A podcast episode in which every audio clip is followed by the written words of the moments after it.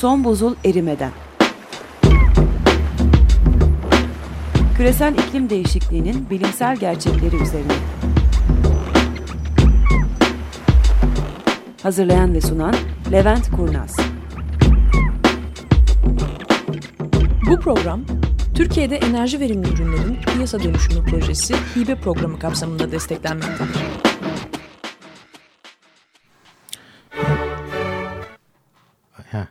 Tamam neyse iyi miyiz? Yaşasın tamam. Hoş geldiniz programımıza. Bugün e, kaçı? Ben at, Sekizi. öldüm. 8'i mi? Tamam. 8 e, Temmuz. Bu canlı yayın yapıyoruz. Vallahi buradayız. Bir hafta band bir hafta Ha, canlı ha, gidiyoruz. e, elimizden ne gelirse elimizden geldiğince burada olmaya çalışıyoruz. Tufan bizle. Merhabalar. E, şimdi demin biz her standart olayımız ne, ne konuşacaktık şimdi bu programda şeklinde başlıyoruz. E, Haziran'ın ortasında şey Temmuz'un ortasındayız. Of dağılmışız. E, Temmuz'un ortasındayız dolayısıyla e, yağmurlar birazcık azalmaya başladı. Onunla beraber şey, ben geçen hafta yurt dışındaydım. Nasıldı burası? Yağmur yağdı mı çok? Yağmur Bir gün sel bastı falan dedi annem. Yağdı öyle bir gün falan. Tamam yalnız bu yağmalar nedense bizim İstanbul'un e, su seviyesine çok fazla etki etmiyor. Ha dur oku. Yazım okuyorum. Evet yazını oku Tufan sen. Bu program Küresel Çevre Fonu'nun finansal desteğiyle Enerji ve Tabi Kaynaklar Bakanlığı, Yenilenebilir Enerji Genel Müdürlüğü tarafından Birleşmiş Milletler Kalkınma Programı ile birlikte yürütülen Türkiye'de enerji verimli ürünlerin piyasa dönüşüm projesi hibe programı kapsamında desteklenmektedir. Bu yapımın içeriğinden Levent Kurnaz sorumludur ve hiçbir şekilde tarafların görüşlerini yansıtmamaktadır. Tamam şimdi son programdan bu yana olan birkaç tane ufak tefek gelişme var. Dünya ile ilgili, iklimle ilgili, su durumları ile ilgili bunları hafifçe konuşalım. Bunlardan bir tanesi e, şeyde bakıyorsunuz değil mi hepiniz şeye? E, Barajlardaki şu barajlardaki İstanbul barajlarındaki doluluk oranına ödeviniz unutmayın yani her gün bakmak durumundasınız buna. Bu çünkü İstanbul'un halini en yani su halini en düzgün gösteren gösterge. Bu bir ara çok ciddi sert düşüş içerisindeydi. Ondan sonra birazcık araştırdık o ciddi sert düşüşün niye olduğunu. Haberi geldi o sert düşüşün sebebi Melen'de su kalmamış. Tabii ben böyle Yani- abartıyorum. Farkındaysanız Melen'de su kalmamış değil. Tabii ki Melen'de su vardır ama Melen'den biz her gün e, 800 bin metreküp yaklaşık su almak durumdayız İstanbul'u beslemek için. Melen'den aldığımız su miktarı bu 800 binin çok çok altına düştü. Dolayısıyla Melen'e e, takviye yapılması gerekti. Takviye de Sakarya Nehri'nden yapılıyor şu anda. Yani Melen'den gelen hatta 800 bin metreküp e, su getiren hatta şu anda Sakarya Nehri'nden gelen su bağlandı ve o full 800'ü bulabiliyor artık. Oradan da azalınca nereden? Ee, Daha ortaya doğru mu Karadeniz'in? Ee, ya B planı, C planı, D planı, E planı mutlaka bir takım planlar vardır. Bizim bilmediğimiz ve aklımızın ermeyeceği. Yalnız burada bir tane nokta var. Ee, 24 Haziran'da İstanbul'daki barajların doluluk oranında %26'ya yakın bir doluluk vardı. 8 Temmuz'da yani 14 gün sonra %22 küsür. Yani yaklaşık yüzde üç, yüzde dörtlük bir azalma var geçtiğimiz iki hafta içerisinde. Bu ayda yüzde dört desek Yani. sekiz civarı bir azalmadır. Şu anda yüzde yirmi ikideyiz. Barajlar yüzde ona indiği zaman artık dip suyu olduğundan kullanılmaz hale gelecek bunlar. Yani yüzde on iki doluluk var barajlarda. Ayda yaklaşık olarak yüzde 8 %10 aralığında azaldığına göre dolayısıyla 15 Ağustos gibi İstanbul'un suyu bitiyor. Totonus tutuyor mu hocam? Hayır şimdi totom tutuyor derdinde değilim gerçekten. Şimdi benzer konular başka yerlerde de oluyor.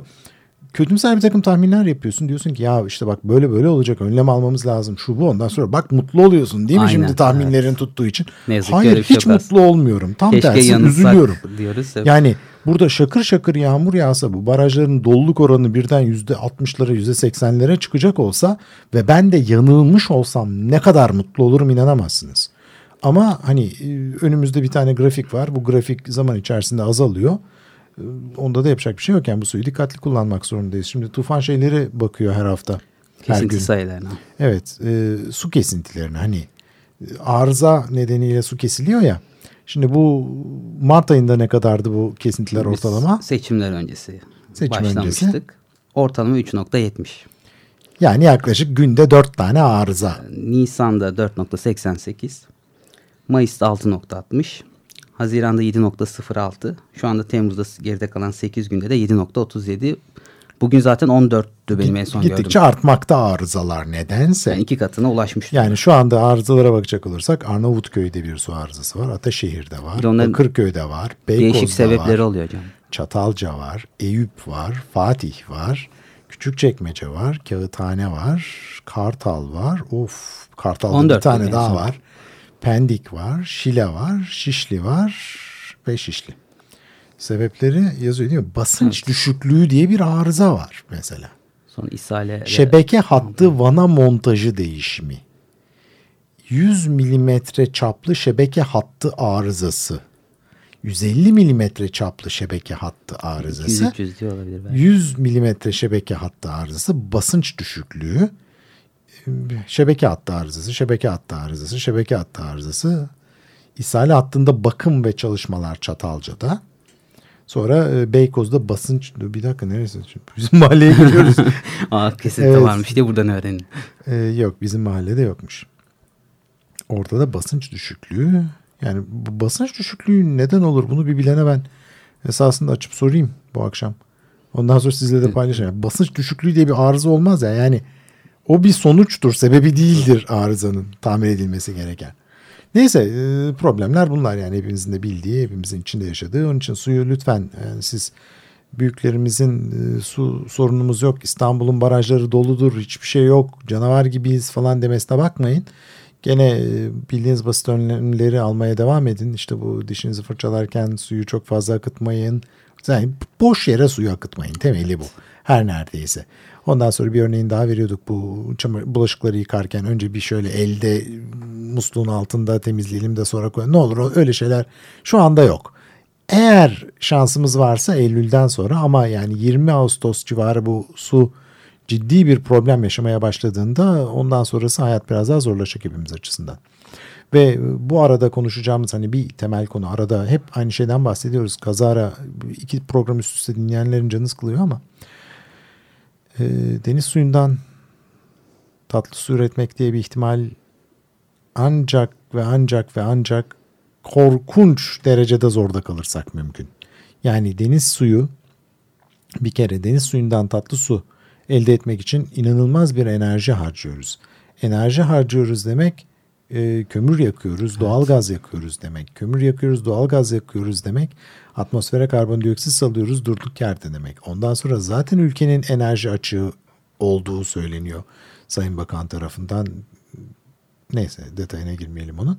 Yani böyle bir durumdayken bir de enerji harcayarak su yani deniz suyundan tatlı su elde etmek esasında hiç makul, mantıklı bir çözüm değil ve olmayacak. Çünkü bu bir kere bir bizim teknolojimiz değil. Bu teknoloji yani deniz suyundan tatlı su elde etme teknolojisini biz yurt dışından alacağız. Kamyon yükü para vereceğiz bu teknolojiyi almak için ve ondan sonra bir de üretmesi için enerjiye kamyon yükü para vereceğiz. Bunları üst üste koyduğumuz zaman deniz suyundan tatlı su elde etmek İstanbul'un çözümü değil. Hani Avşa Adası'nda yaşıyorsanız haklısınız. Gökçeada'da haklı olabilirsiniz. Bozcaada'da haklı olabilirsiniz. Kıbrıs'a gittiniz haklı olabilirsiniz. Ama İstanbul'un çözümü bu değil. İstanbul'un çözümleri şehircilikte ve başka daha makul projeler üretilerek bulunması gerekiyor.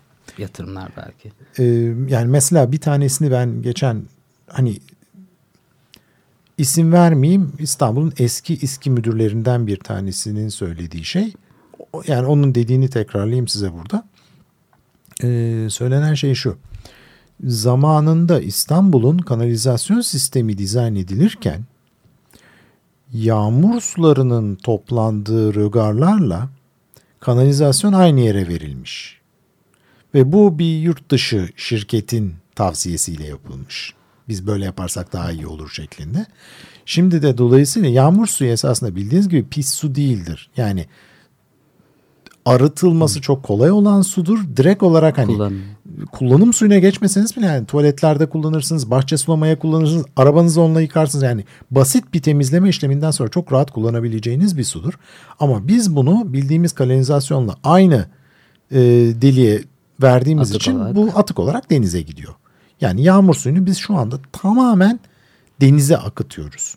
Şimdi su havzalarımıza ya bir dakika e, şeyler su hakkı da aynı şeylerden bahsettim benden önce. Yok. Su hakkı neden bahsetti? Bu, bu aynı şey üst üste iki program aynı şey söylüyor olabiliriz şu anda da. Şimdi e, kusura bakmayın iki defa üst üste aynı şey dinliyorsanız biz dinleyemedik onları yeni gelmiştik tam o sırada. Şimdi böyle bir problemimiz var. Yani e, bu suları bizim boşa akıtmamamız gerekiyor. Özellikle yağmur sularını ve yağmur sularını toplayarak İstanbul'da e, bunu barajlara bir şekilde kanalize edecek olursak sorunu deniz suyundan ya da işte ne bileyim suni bulut tohumlamadan falan geçmeden çözmemiz çok çok daha kolay olur. Burada bizim esas problemimiz biz havzalara ev yapıyoruz. Havzalara ev yaptığımız için evin önünde kanalizasyon var. Yağan yağmur da bu kanalizasyona gidiyor. Yani yağmur suyunu biz bir şekilde toplayıp kanalizasyona vermeden sistemin içerisinde arıtıp geri dönüştürebilecek olursak zaten İstanbul'un kendi su sorununun önemli bir kısmı çözülmüş olur. Ee, yani bu sorunların hepsi basit çözüm yani basit olmasa bile en azından çözümleri olan ve deniz suyunu arıtmak gibi gayet komplike bir işleme gerek duymayan çözümler bunlar. İnşallah yakın zamanda hepimiz biraz daha akıllanır bu çözümlere gidiyor oluruz. Bir müzik arasına girebilir miyiz? Tamam. Vallahi giriyor.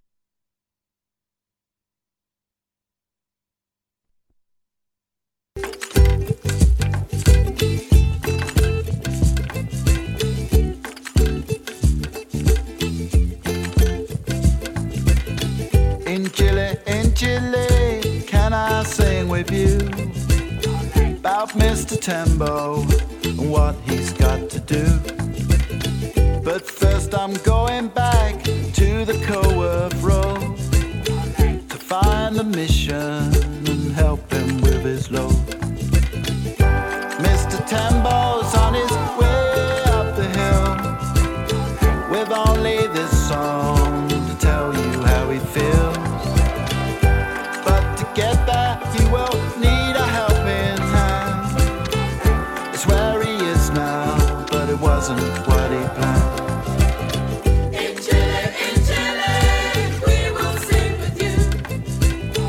Just like the TV in Mr. Tembo's room.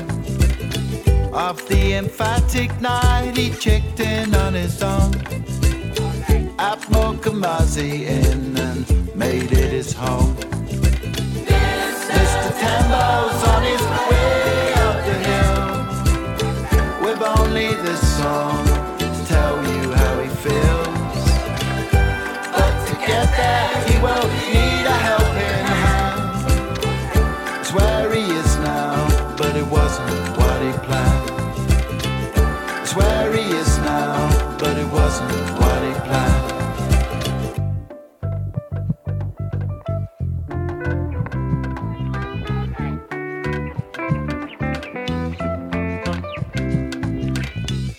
In Chile, in Chile,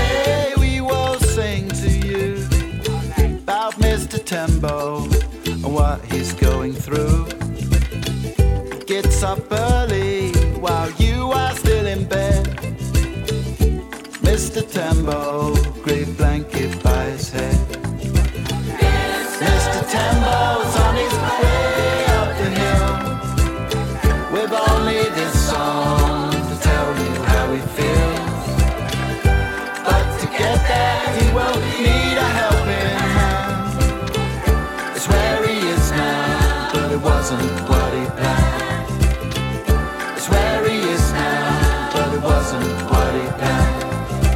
Dad, you take those lions off the front of the boat. Good God, man, have some heart in you, will you please? All right, I'm trying to run this expedition in a decent manner. manner.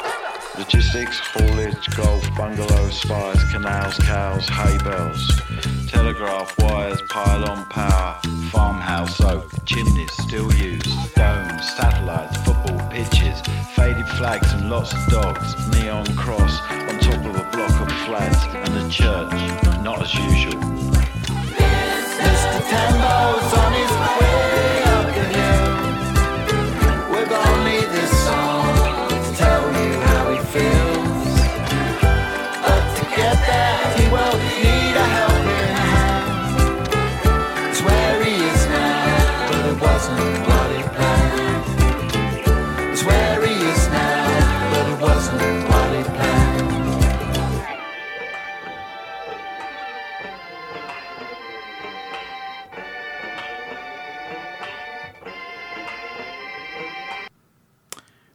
hoş geldiniz geri. Ben bundan sonrasında Tufan'a veriyorum sözü. Tufan konuşacak şimdi. Merhaba tekrardan. Biz e, daha önceki programlarda bildiğiniz üzere işte Türkiye'de enerji verimli ürünlerin piyasa dönüşümü projesi kapsamında hep özellikle elektrikli ev aletlerinin e, enerji, elektrik verimliliği üzerinden çok bahsettik. Ama bu sıra tabii konu sudan açılmışken su verimliliği de çok önemli bizler için. E, suyu verimli kullanma açısından da evde özellikle kullandığımız çamaşır makineleri, bulaşık makinelerindeki su verimliliği ne kadar fark ediyor? Bununla ilgili ben biraz araştırma yaptım. Onunla ilgili bir şeyler söylemek istiyorum. Bu İngilizlerin yaptığı böyle deneysel bir çalışma aslında. Onların yaptığı bir çalışmada e, öncelikle çamaşır makinelerine bakacak olursak hani standart onların yaptığı araştırmada bir çamaşır makinesinin işte bir kilogramlık pamuklu e, çamaşırı yıkamada 40 santigrat derecelik ayarda 10 litre su tüketimi ortaya çıkıyor. Buna karşılık en verimli ve en verimsiz makineleri kıyaslamışlar. Ne kadar e, su tüketiminde fark olduğuna karşılık ve bunda standardı genelde zaten yapılan hesaplarda hep işte 40 santigrat derecede pamuklu kumaşı e, sahip ürünlerin yıkaması hesaba alınıyor. 4 kez yıkandığında ve %80 kapasiteli 7 kilogram kapasiteli bir makinenin %80'ini dolu olarak çalıştırdığımızda yılda 4 kez e, yılda topla yani haftada 4 kez yıl, bir yıl boyunca bunu hesapladığında en, en verimli ve en verimsiz ürünlerin kıyaslan farkına bakıldığında yaklaşık 8000 litrelik bir su tasarrufu sağlanıyor. Bu 8000 litre de şimdi onların verdiği denklik küvet cinsinden falan filan gibi bizde çok uyuşmuyor. O yüzden ben hesapla şu şekilde yaptım en iyisi dedim. 400 damacana su eder. Böyle bir tasarruf ortaya çıkıyor. Farkındasınız değil mi? 400 damacana. Evet. Yani biz Bir evde yılda. bütün içme suyumuz onun altında bayağı yani 5 kişilik bir aileyiz. Ve bunun çok altında su tüketiyoruz yılda. E, tabii sadece o değil. Aynı zamanda işte 40 santigrat derece yerine 30 santigrat derecede yıkam, yıkandığında çamaşırlar %46 tasarruf sağlandığı ortaya çıkıyor. Burada tabii şey de çok önemli. Biz hep hani A++ ürünler falan gibi elektrik konusunda tasarruf konusunda yöneliyoruz ama bu ürünleri alırken üzerine sadece yıllık işte ne kadar su tükettiği miktarları var. Ancak hani bunların birbirine olan kıyasları ortaya çıkmıyor. Bunları dikkate almamız gerekiyor. Keza aynı şekilde bulaşık makinelerine baktığımızda da bulaşık makinelerinde bu aralık daha farklı. Yani en ürün en verimli ürüne baktığımızda ana programda işte 10 litreyken birinde 21 litre en verimsiz üründe su tüketildiği ortaya çıkıyor. Aynı zamanda bunları eğer enerji tasarruflu programında çalıştırsak 10 litrelik bir tüketim 7 litreye düşüyor. 21 litrelik bir tüketim de 17 litreye düşüyor. Burada özellikle Levent Hoca'nın da daha önce değindiği gibi hani bulaşıkları makine yatmadan önce bir ön yıkama yapmak yerine onları ıslak bir bezle ya da bir şeyle silip temizlemek çok önem kazanıyor. Çünkü hani bir makinede işte ortalama 130 tane bulaşık temiz 7 litreyle elle temizliğe yıkayamayız. Onun yerine bulaşık makinesini dolu bir şekilde ve doğru yerleştirme yaparak yıkamak bize tasarruf sağlayacaktır. Aynı zamanda bizim kendi e, ürünlerimize baktığımızda kendi şeyde de onda da mesela bizim en verimli su bakımından, su tüketimi bakımından bulaşık makinesinde 1680 litrelik bir su tüketi- tüketimi çıkıyor. En verimsiz de 4480 lira. Bu da aradaki fark 2800 litrelik bir su farkı var tüketim açısından bulaşık makinelerinde. 2800 Evet. litre. Evet. Ve bu çama 3 ton. evet. Ve çamaşır makinesinde bu daha fazla. En verimsiz de 20.200 litre su tüketimi gördüm ben. Bizdeki listede. Ee, En verimli de 6223 litre. Bunda da fark yani yaklaşık 15.000 litre, 15 ton. Bunları hocam herhalde çamaşır makinesi bulaşık makinesi sayısından değiştirecek. O sizin buzdolabı hesabınız gibi yapsak. Evet evet. İstanbul'un su şeyler. tüketim Evet. Be- Benzer yerlere geliyor olabiliriz yani. Yani. Du oldum. Bunlar korkunç rakamlar yani. Gerçekten verimlisiyle. Yaptık. Bir de şu var tabii biz bu projeye ilk giriştiğimizde UNDP ile bize söylenen şey ya bu esasında enerji elektrik verimliliği konusunda bir enerji tüketimi konusunda bir proje ama elinizden geldiğince su tüketimine de burada birazcık el atacak olursanız bu elektrikli ev aletlerinin su tüketimine bulaşık makineleri ve çamaşır makineleri ne kadar güzel olur dendi. Dolayısıyla biz arada hani onlara da bir el atma çabasındayız. Aynı zamanda bunların tamamını bizim web sitemizden bulabilirsiniz. Enerji ve iklim org.tr. Ee, ondan sonra da şimdi bir tane küçük aplikasyon yapıyoruz. Bitti mi aplikasyon ne durumdayız? Bitti. En kısa zamanda cep telefonları indirebilecekler. Tamam. Çok kısa O bir cep var. Telefonlarında da yani herhangi bir yerden e, herhangi bir ürün almak arzusunda olduğunuzda ya da iki tanesini vicdan yapıp kıyaslayacak olursanız bunların hangisi daha az enerji tüketiyor, daha enerji verimli şeklinde e, size bir cevap veriyor olacak bu Yani- aplikasyon. En azından piyasada şu anda bulunan ana ürün grupları için yani bildiğiniz markaların televizyon, buzdolabı, dur televizyon var değil mi? Televizyon var, buzdolabı fırın da var. fırın var, klimalar var, Evet. e, çamaşır makineleri var, soğutucular var, derin dondurucular var, bıttı bıttı bıttı bir Temel sürü beyaz şeyimiz var. eşyaların hepsi var. Dolayısıyla e, bu, bu projenin eğlenceli yani biz bundan gayet mutluluk duyuyoruz yaparken. Çünkü hiç bilmediğimiz şeylerle karşılaşıyoruz. Geçen bir programda anlatmıştım. Bu sadece A yerine A buzdolabı kullanarak Türkiye'de yatağın termik santralini kapatmamız mümkün. Ondan sonra da insanlar ama oradaki çalışan insanlar ne yapacaklar diyorlar. E biz de diyoruz ki güneş enerjisi, rüzgar enerjisi. Bunlar da istihdam yaratacak Onlar istihdam olacak. yaratacak nasıl olsa size. Bu buzdolaplarını kim üretecek Ee, şey enerji verimli buzdolaplarını dolayısıyla bunlar da istihdam bizim için her zaman söz konusu olacak. Evet bizden bu kadar bu haftalık. Bir bitirmeyelim mi? Daha Ha, devam edelim. Tamam, iyi. eyvallah tamam konuşuruz. Şimdi e, memlekette biliyorsunuz bir türü ton sorun var. Bu en son şeyin Tarım Bakanlığı'nın e, kuraklıkla ilgili bir raporu geldi. Birazcık yani son 3 ayda yağan yağışlar tarım rekoltesindeki beklenen korkunç düşüşü birazcık azaltmış durumda. Bir önceki raporda sanırım %17 buğday rekoltesinde düşüş bekleniyordu ülkemizde bu, bu 2013-2014 sezonu için. Bu beklentiyi %10.7'ye çekmiş Tarım Bakanlığı. Ama yani bu normalden %10.7 düşük ürün alacağız demektir. Yani %10 düştü şu andaki kuraklıktan dolayı ve arada konuştuk bunu biliyorsunuz daha El Niño senesine giriyoruz bu aydan itibaren. Sen baktın mı en son El Niño'nun ne durumda olduğuna? Yani %60, %65 tane şey olarak. Yok o son Tahminler, ondan oralarda. sonrasında değişiklik Dolayısıyla yok. bu aydan itibaren hani bunun etkilerini de yani bir yaklaşık iki ay sonra, iki üç ay sonra bu tufanın birazcık master tezi oluyor. Çok eski bir zamanda kalan. Bir iki üç ay sonra bunun etkilerini görmeye başlayacağız. Onun için yani suyumuzu bu sene dikkatli kullanalım. Bir dahaki seneye ne kadar suyumuz olacağını bilmiyoruz bile. Hani ben e, felaket tellallığı yapmış olmayayım ama hani Şubat ayında Ağustos'un 20'sinde İstanbul'un suyu kalmayacak. Kullanacak su kalmayacak demiştim. Ondan sonra Toto oynuyor dedi gazeteler bana.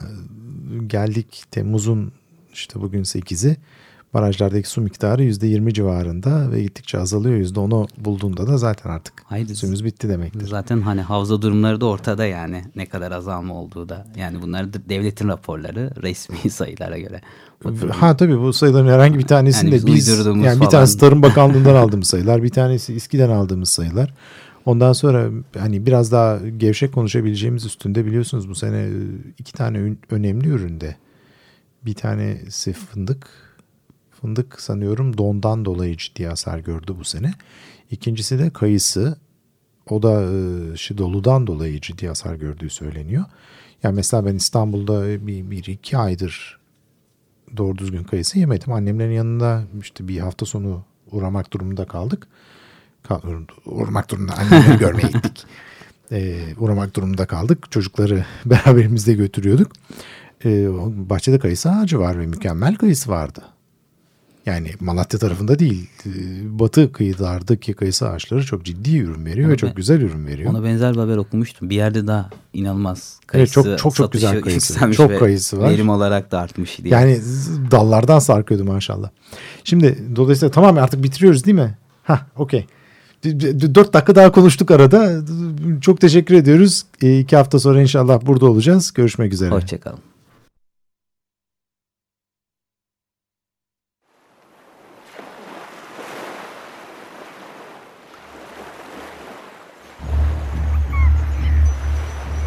Son buzul erimeden. Küresel iklim değişikliğinin bilimsel gerçekleri üzerine. Hazırlayan ve sunan Levent Kurnaz. Bu program Türkiye'de enerji verimli ürünlerin piyasa dönüşümü projesi hibe programı kapsamında desteklenmektedir. Açık Radyo program destekçisi olun. Bir veya daha fazla programa destek olmak için 212 alan koduyla 343 41 41